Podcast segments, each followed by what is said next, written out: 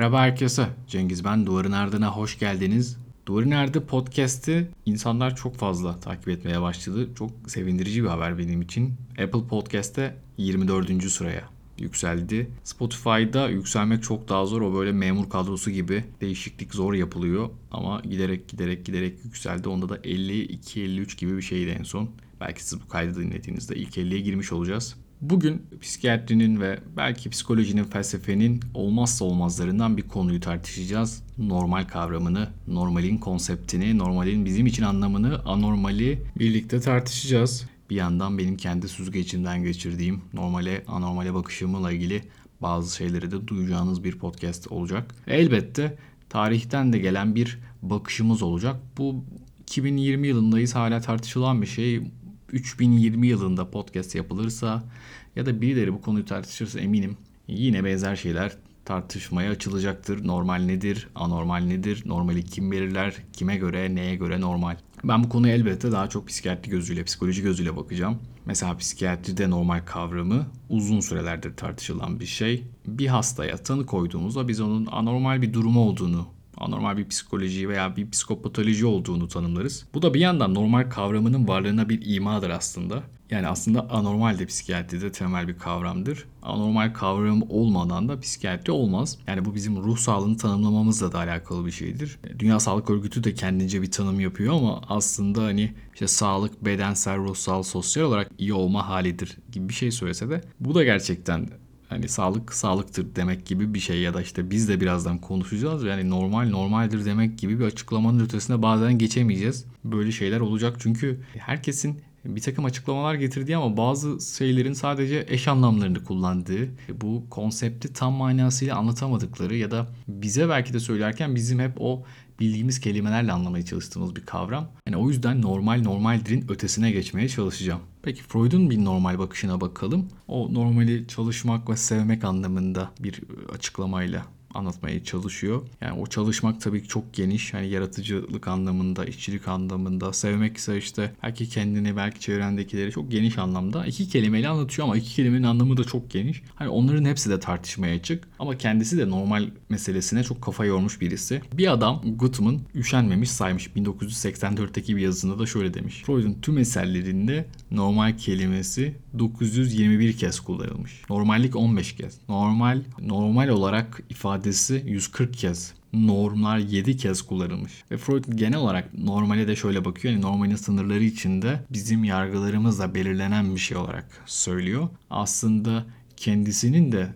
norm olarak tanımladığı normal dediği şeylerin kitaplarında zamanla değiştiğini görürüz. Kendi yargımızla ilgili mesele aslında kendisinin hayatının değişimiyle de ortaya çıkan bir şey. Bu da dikkat çeken bir yer. Psikiyatride bu mesele hani biraz da şöyle bakılıyor. Zaten psikiyatrinin anlamıyla da alakalı akıl hastalıklarının, ruhsal hastalıkların, duygusal bozuklukların, anormal davranışların tıbbi tedavisi. Psikiyatrinin anlamı bu bir yandan. İşte bu anormal davranış dediğimiz şey nedir? Yine her zaman her yerde karşımıza çıkacak şey bu. Tabii psikiyatrist isimlendirmesi ve psikiyatrinin ömrü çok uzun değil. Daha öncelerde kullanılan bir kavram var. Ona bakarsak belki konseptimize bir yenilik katabiliriz. Alienist yani eskiden psikiyatristlere denilen şey ya da psikologlara denilen şey alienistti. Yani bu anlamda kullandığımızda insanın aklına ilk gelen şey yani uzaylıları inceleyen, dış dünyayı inceleyen, dünya dışındaki evreni inceleyen kişi belki de. Ama yakın zamana kadar bu ismi kullanıyorlardı. Neden bu ismi kullanıyorlardı sizce? Bir fikriniz var mı bilmiyorum ama okuduklarımdan anladığım kadarıyla şöyle bir şey var. Bu kelime Fransızca uzaylı anlamına geliyor. Yani alien ve aslında oradan İngilizce geçen bir kelimenin bir şekilde kullanıma sürülmesiyle alakalı alienist. Ama aslında Fransızca'da sadece uzaylı anlamında kullanılan bir kelime de değil. Bu kelimenin o anlamına ek olarak kişinin birincil benliğine ve kişiliğine yabancılaşması. Yani bir anlamda bir yabancılaşma ve bir delilik iması, bir normalden dışarı çıkma anlamı var. Yani aslında baktığımızda kişi kendi evreninde bir uzaylıya dönüşüyor. Yani bir yabancıya dönüşüyor. Dışarıdan birisi oluyor artık o. Bizim normalimizin içinde değil, bizim normalimizin dışında. Yani o bir anormal. Hani bizim uzaylı deyince de aklımıza gelen şey normal değildir. Belki belli şeyler aklımıza geliyordur uzaylı deyince. Böyle garip gözler, değişik robotik şeyler ama aslında bu onu normal yapmıyor, anormal yapıyor. Yani ortak bir tanım ya da ortak bir imge olsa da aslında zihnimizdeki tuhaflıkların bir bütünü. Bir yandan tek bununla da sınırlı değil. Alienist kelimesinin kökenine baktığımızda Oxford sözlüğünde özellikle mahkemelerde sanıkların zihinsel yeterliliğini değerlendiren kişi. Yani yine orada böyle bir görevi var psikoloğun, psikiyatristin. Mahkemeler ve akıl sağlığının birleştiği bir yerdeyiz şu anda. Bunun şöyle bir önemi var. Yani hukuksal açıdan da akıl hastalığının bir anlamı var ve bir yandan da bu anormallik hukukun ve psikiyatrinin merkezini oluşturan şey.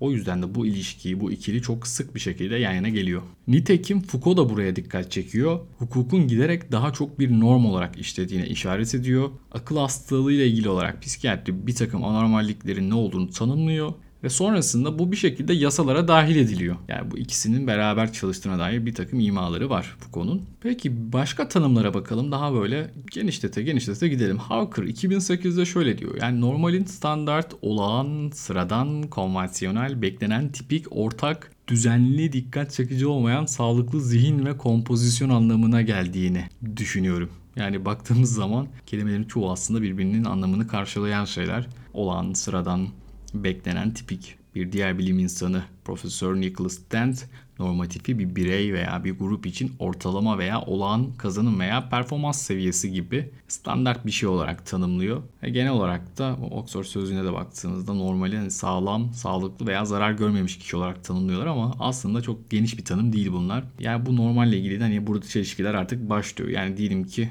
normal olağan olansa ya da sıradan olansa örneğin bir insanın IQ'su ortalama insanlardan daha yüksekse bu onu anormal yapıyor. Ama bir yandan da anormal bir IQ belki de yüksek bir IQ çoğu insanın arzu edeceği bir şey. O zaman normal aslında hep de arzu edilen bir şey olmayabilir ya da anormal her zaman kaçındığımız bir şey olmayabilir. Şöyle bakabiliriz mesela yani bazı isimleri aklımıza getirelim onlar normal miydi? Mesela Atatürk normal birisi miydi? Gandhi normal birisi miydi? Beethoven normal birisi miydi? Belki de tarihi, sanatı, siyaseti, müziği değiştiren pek çok insan aslında anormal insanlardı. Bu anormalin iyi bir şey olduğu anlamına mı gelir? Normalin kötü bir şey olduğu anlamına mı gelir? tartışılabilir bir şey. Mesela Fatih Sultan Mehmet çok genç yaşlarında İstanbul'u fethediyor. Aslında işte Mehmet. Ona sonra Fatih ünvanı veriliyor. Bir yandan anormal diyebiliriz. Çok genç yaşta İstanbul gibi bir şehri çok değişik stratejilerle fethetmeye kalkıyor. Ama kimse ona deli Mehmet dememiş ama aynı hanedanlıkta ismi İbrahimken Deli İbrahim olarak adlandırılan bir başka padişah var. Baktığınız zaman benzer bir grup, benzer bir örneklem ama birisi deli olmuş, öteki Fatih olmuş. Onu deli, onu Fatih yapan şey neydi? Yani ikisi de belki de anormaldi. Ama birine Fatih demişler, birine deli demişler. Belki de hani anormalin bu ayrımı normalden en azından bu üst düzey insanlar için ya da bu tarihi değiştiren insanlar için herhalde yaptıkları işlerin sonucuydu. Daha pragmatik bir normal anormal değişimiz vardı. Orası belki de insanların aklını zihnini karıştıran yer olarak her zaman önümüze çıkacak. Yani biz çoğu kez bu olayların sonucuna bakarak mı normal ya da anormal arasında bir ayrım yapıyoruz. İşte tam da burada aslında hani bu normalin bazı anlamları var dedim ya işte olağan, sıradan, dikkat çekici, olmayan olmayan tipik gibi. Bunların böyle bazı tuzak anlamları da var bir yandan. Çünkü bu kelimeler yani bu diğer anlamları size nereye dokunuyorsa şimdi ilk söylediğimizde aklınıza ne geliyor bunu bilmek zor. Ama muhtemelen bu kelimelerin birbirinin içine geçtiği bir takım anlamlar geliyor aklınıza ve buna göre normalin karşısında bir konum alıyorsunuz. Ve aslında bu kelimenin sizde nereye dokunduğuna göre bu meseleye bakışınız değişiyor. Mesela normali sıradan olmak veya tek düze olmak anlamında kavruyorsanız bu artık hani bu kavrama şekli sizin yetiştiğiniz kültürle de alakalı olabilir. Sizin bireysel, öznel bir özelliğiniz de olabilir. Bu anlamda kavruyorsanız ve kişilik örgütlenmeniz, kişilik örüntüleriniz bu anlamın tam da karşısındaysa belki de o zaman size anormal olmak cazip gelecektir. Böylece sizin normal tanımınızla birleştirdiğiniz cool bir anormal tanımını üstünüze giyebilirsiniz ve çıkarmak istemezsiniz. Belki de bu kıyafetle bir doktora, bir dosta, bir arkadaşa gözükmek isteyeceksinizdir. Belki de aynadan kendinize bakıp sıradan olmamak için ne çok yorulduğunuzu, ne çok çaba gösterdiğinizi göreceksinizdir ama mutlu olacaksınızdır. Ya da tüm bu efor size bir acı verecektir, canınız yanacaktır. Ama belki de hani bu da sizin işinize yarayacaktır. Orası da ayrı bir yer. Peki anormali ise sağlıksız zihin yapısı veya belki de patolojik anlamda olan bir atipik olarak algılıyorsanız e, bu da yine sizin kişilik örgütlenmenizin zıttında bir yerdeyse ve sizin örgütlenmeniz tam ortada durmak, kenarlara savrulmamak üzerine kuruluysa anormal olma ihtimali dahi sizi incitecektir ve insanların çok kolay şekilde anormalize edildiğini savunacaksınız. Anormal denmiş insanların kahramanlık hikayelerine bakacaksınız. Belki biraz daha ileriye gidip psikiyatriye bir savaş açacaksınız. Eğer hani psikiyatrinin normları ile ilgili bir kavganız varsa. Ya da en kolayı sizden önce savaş açmış insanları bulacaksınız. Onların saflarına katılacaksınız. Böylece yine kendinize bir yer bulacaksınız aslında. Ortalarda bir yer. Oysa hani uçakta oturduğunuzu düşünün. Tam da orta koltuktasınız. Ve ortada oturmak size iyi hissettiriyor. Kendinizi daha güvende hissediyorsunuz. Ama bir yandan şöyle dönüp bakınca milyarlarca insan yeryüzündeyken siz gökyüzündesiniz. Belki de aslında yine ortada bir yerde değilsiniz. Adolf Quetelet 1846'daki çalışmasında ortalamayla normalin çakıştığını belirtiyor. Bu belki de olaya bakışı tamamıyla değiştiren bir şey. Biz ikisinin hani farklı şeyler olduğunu elbette biliyoruz düşünüyoruz. Aklımız buna yetiyor ama ikisinin çakıştığını da artık 200 yıl önce neredeyse söylemişler. De Moivre normal dağılımları tanımlıyor. Hani bugün bizim normalin böyle bir takım dağılım olduğunu, iki ucu olduğunu söylediğimiz şey, insanların çoğunun ortaya düştüğünü söylediğimiz şeyi 1738'de tanımlıyor. Ve genel olarak normalin ilk olarak sabit olmayan ve tek bir standarda uymayan çeşitli zihinsel ve fiziksel faktörleri birleştiren genel bir denge durumu olduğunu kavramsallaştırıyor. Bu noktada şöyle şeyler ortaya çıkıyor. Burası bence çok önemli. Artık akışkanlık bu daha modern bir ses. O zamanlar gelişen fizik geometriyle beraber akışkanlık kavramı öne çıkıyor felsefenin içinden aldığım bazı kelimelerle bunu söylemek istiyorum. Devinimsel olma hali. Bu akışkanlık, sürekli bir devinim içinde olmak. Yani tam manasıyla statik olmamak. Normali bu şekilde kavramsallaştırıyorlar. Yani normalin bir statik olmadığını, bir şekilde akışkan olduğunu, o yüzden hani normalin ölçümünün de bu anlamda çok zor olduğunu söylüyorlar. Yani normalin değişkenliği ve bu değişkenliğin ölçümü epey zor. Yahoo da 1958'de ideal ruh sağlığını büyüme kapasitesi gösteren özelliğine ve bağımsızlığına sahip, keskin bir gerçeklik algısına sahip, olumlu arkadaşlıklar ve çevreye hakim olma konusunda olumlu görüşe sahip kişiler olarak tanımlıyor. Bütün bu tanımların her birinin böyle defekleri var. Böyle içine dalınca dalınca diyorsun ya bak bu böyle olur ama şu da şöyle olur. Bunun böyle bir ihtimali vardır, şöyle bir şey vardır. O yüzden herkes kendilerince bir tanım yapıyor. Ama gerçekten bir şeyi tanımlamak dünyadaki en zor şey olabilir. Yani en basit şeyi bile düşündüğünüzde çok zordur. Birazdan mesela buna bazı örnekler de getireceğim. Bazı yazarlar normalin gücünü sorgulanmaya devam ederken her yerde değişmez olmasından aldığını söylüyorlar. Aslında bazı insanların kötü niyetle bir araya getirmiş olduğu bir takım kavramların normali oluşturduğunu söylüyorlar. Bunun amacı olarak da bundan sapanları damgalamak, engelleri diskalifiye etmek ve uygun olmayanları oraya çekmek, zorlamak. Yani bunun bir anlamda da normali yani sosyolojik bağlamda baktığımızda orta sınıf bir davranış yaratmak. Yani işte beyaz olmak, heteroseksüel olmak,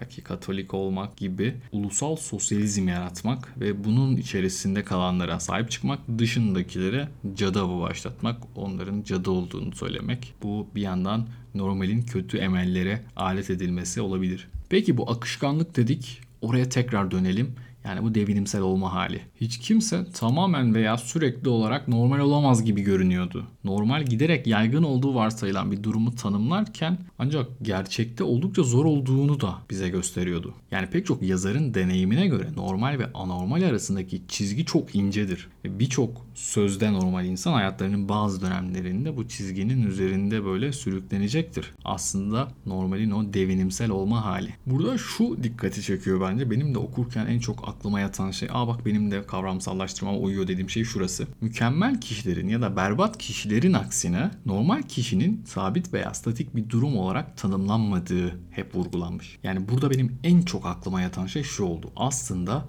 normalin değil ama anormalin belli ölçüde bir statiklik gösterebileceği.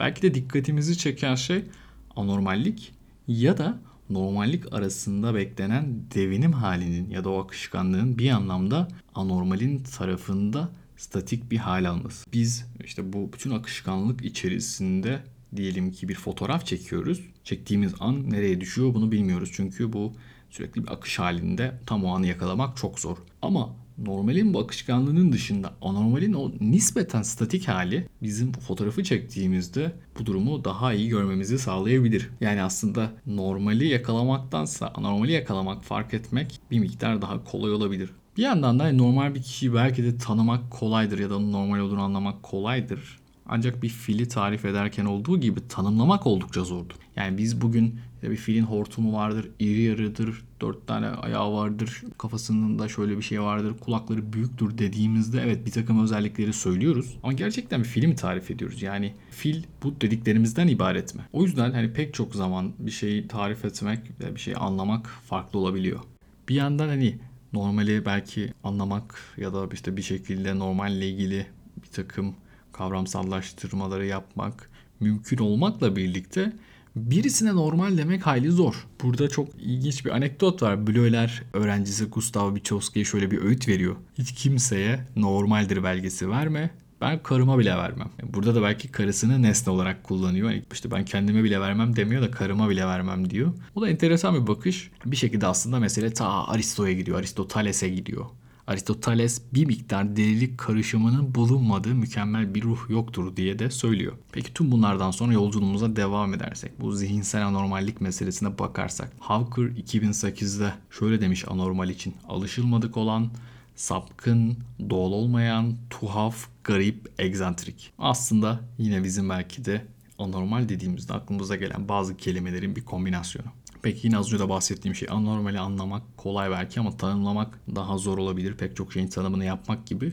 Benim burada şöyle bir düşüncem var. Her zaman hep işte normal nedir? Normali tanımlamamız lazım. Normali tanımlarsak anormale gidebiliriz gibi bir bakış var. Ben de hani bunun biraz daha tersini düşünüyorum. Zaten hani az önce de söylediğim gibi anormalin çünkü statik olma ihtimali daha fazla. Pek çok şeyde de yani pek çok psikiyatri kitabında da aslında anormal davranışları belki de şöyle özetliyorlar. Yani tutarsız, aşırı uygunsuz, yetersiz olan evet bu taraf tamam. Bu da aslında bir normal tanımına gidiyor. Çünkü o zaman normal nedir? Tutarlı olan, aşırı olmayan, uygun olan, yeterli olan gibi bir şey oluyor. Ama bence buradaki fark şu yani tamamen kontrast üzerinden bir tanım yerine şu benim için daha önemli gibi geliyor. Yani o kategorik ayrımdan ziyade boyutsal bakışla beraber sürekli ya da ineleyici olması. İşte bu belki de hani o statikliği yakaladığınız anlar. Evet o zaman senin işte belki de bu durumun patolojik olabilir, anormal olabilir diye söylüyoruz. Anormal olabilir diyelim çünkü her zaman her anormal patolojik değil. Az önce verdiğim IQ örneğini düşünün ya da işte bir takım ünlü isimleri, tarihi değiştiren insanları düşünün. Burada tekrar şuna bakmak lazım. Normal ve anormalin sürekliliği. Mesela Freud'un normal ve anormal arasındaki süreklilik görüşüne bazı destekler olmuştur. O da zihinsel bozuklukların en azından mental bozuklukların eşik altı durumlarla süreklilik göstermesidir. Ama bu da tam olarak işte normal ve anormal arasındaki meseleye bir engeldir. Yine ayırt etmenin zor olduğu bir şeydir. Ve mesela Cale 2017'de psikopatik özelliklerin aşağı yukarı hepimizin içinde var olduğunu belirtir. Halüsinasyonların tarandığı bazı çalışmalar var. Toplumda %7.3 oranında çıkıyor halüsinasyonların görülme sıklığı. Ama bu insanların sadece %16'sı profesyonel bir yardım isteğinde bulunuyor. Yani aslında genel nüfusta bir psikoz sürekliliği var. Ama bunun fenotip olarak tanımı zor. İnsanların bunu normal ya da anormal olarak ayrımını yapması zor ya da insanların kişisel ihtiyaçları olabilir ama bir takım eşik altı belirtiler bu anlamda öne çıkıyor. O yüzden hani bu sınır durumlar özellikle hayli kafa karıştırıcı oluyor. Yani aslında biz yüksek şiddette ya da orta şiddette anormal durumları normalden ayırt ederken zorlanmıyoruz. Normalle hafif şiddetteki anormallikleri ayırt ederken zorlanıyoruz. Psikiyatriye dair gelen eleştirilerin çoğu da buradan geliyor zaten. Yani hafif bir depresyon örneğin buna ilaç vermek ya da vermemek, bunu tedavi etmek ya da etmemek gerçekten de ayrımı zor bir şey. Hafif bir anksiyete, hafif bir korku, hafif bir kaygı, hafif bir uykusuzluk. İşte bunların ayrımını yapmak gerçekten de zor. Bunlar istatistiksel anlamda, analitik anlamda normalle ilgili pek çok tanım yapıldığı halde insan olunca buradaki nesne ayrımı yapmak hali zor. Burada her zaman devreye giren şey yine öznel yaşantılardır. Kişinin kendi kültürü içerisinde, kendi aile yapısı içerisindeki bir takım yaşantılardır. Bazen işte normali oraya sürüklememiz lazım. Hemen kendine bir küçük mikro normal yaratmak lazım. Bir normal evreni yaratmak lazım. Bir kişiyi onun içerisinde değerlendirmek lazım. Ama hani bunu yaratmak için de çok fazla zaman gerekir. Ve belki de bu da aldatıcı bir şeydir. Çünkü bu kişinin size ne verdiğiyle alakalıdır. E ben bazen şey düşünüyorum. Yani bir kişideki anormalliği anlayabilecek tek kişi aslında kendisidir. Kendisi eğer kendisine dürüst olabilecekse belki de hani herkes bir anlamda kendisinin oradaki doktoru olmalı ya da oradaki işte danışacağı yer olmalı ve kendisini uygun yere yönlendirmeli. Yoksa gerçekten de birisine normal ya da anormal demek yazı tur atmak gibi bir şey olabiliyor bu sınır durumlarda. Tabii bu sınır durumlar içinde hani dediğim gibi az önce eşik altı kelimesini kullandım. Bir diğer böyle sihirli kurtarıcı şey de spektrum. Yani bu spektrum dediğimiz şey hani herkesin işte bu dağılımın, bu eğrinin sağında solunda bir yerlerinde olduğunu ama bazılarının işte normalden uzak, bazılarının anormale yakın olduğuna dair bir anlayış. İşte otizm spektrumu, bipolar spektrumu, şizofreni spektrumu, pek çok böyle spektrumun kullanıldığı yer var. Bu bazen hani anlamlı gerçekten yani burada kullanan kişinin motivasyonu belki de dikkate değer yer. Kullanan kişi bu akışkanlığa, devinimselliğe vurgu anlamında spektrum kavramını kullanıyorsa ve herkesin bir şekilde bu akışkanlığın içinde bir yerlerde olabileceğini söylüyorsa bu gayet anlaşılabilir bir şeydir. Ama bir diğer taraf belki de biraz romantik bakış, belki de psikiyatrik korumak niyetiyle ya da psikolojiyi korumak niyetiyle yapılan ama belki de kendine zarar veren bakış bu durumu farklı bir tarafa sürüklüyor ve burada kimsenin normal olamayacağına dair bir vurguyla yapıp hani insanları belki de işte o tarafa sürüklüyor. Hepimiz işte anormal olabiliriz. Bir takım insanlar bize normal anormal diyor. Oysa hepimiz bir spektrumun içindeyiz gibi daha böyle politik olmak adına e, bunu söylüyorsa bu biraz daha üzücü olabiliyor. Çünkü insanların gerçekten de bazen bu ayrımı yapmak adına en azından başka insanların sesine ihtiyacı olabiliyor. Ve belki de bazen gözümüzdeki bir çöpü dışarıdaki bir insan daha iyi görebiliyor. Buraya kadar dinleyen herkese çok teşekkür ederim. Duvarın Nerede Pod'un Instagram sayfasını hatırlatmaktan yoruldum ama hala takip etmeyen insanlar var. Hoşçakalın.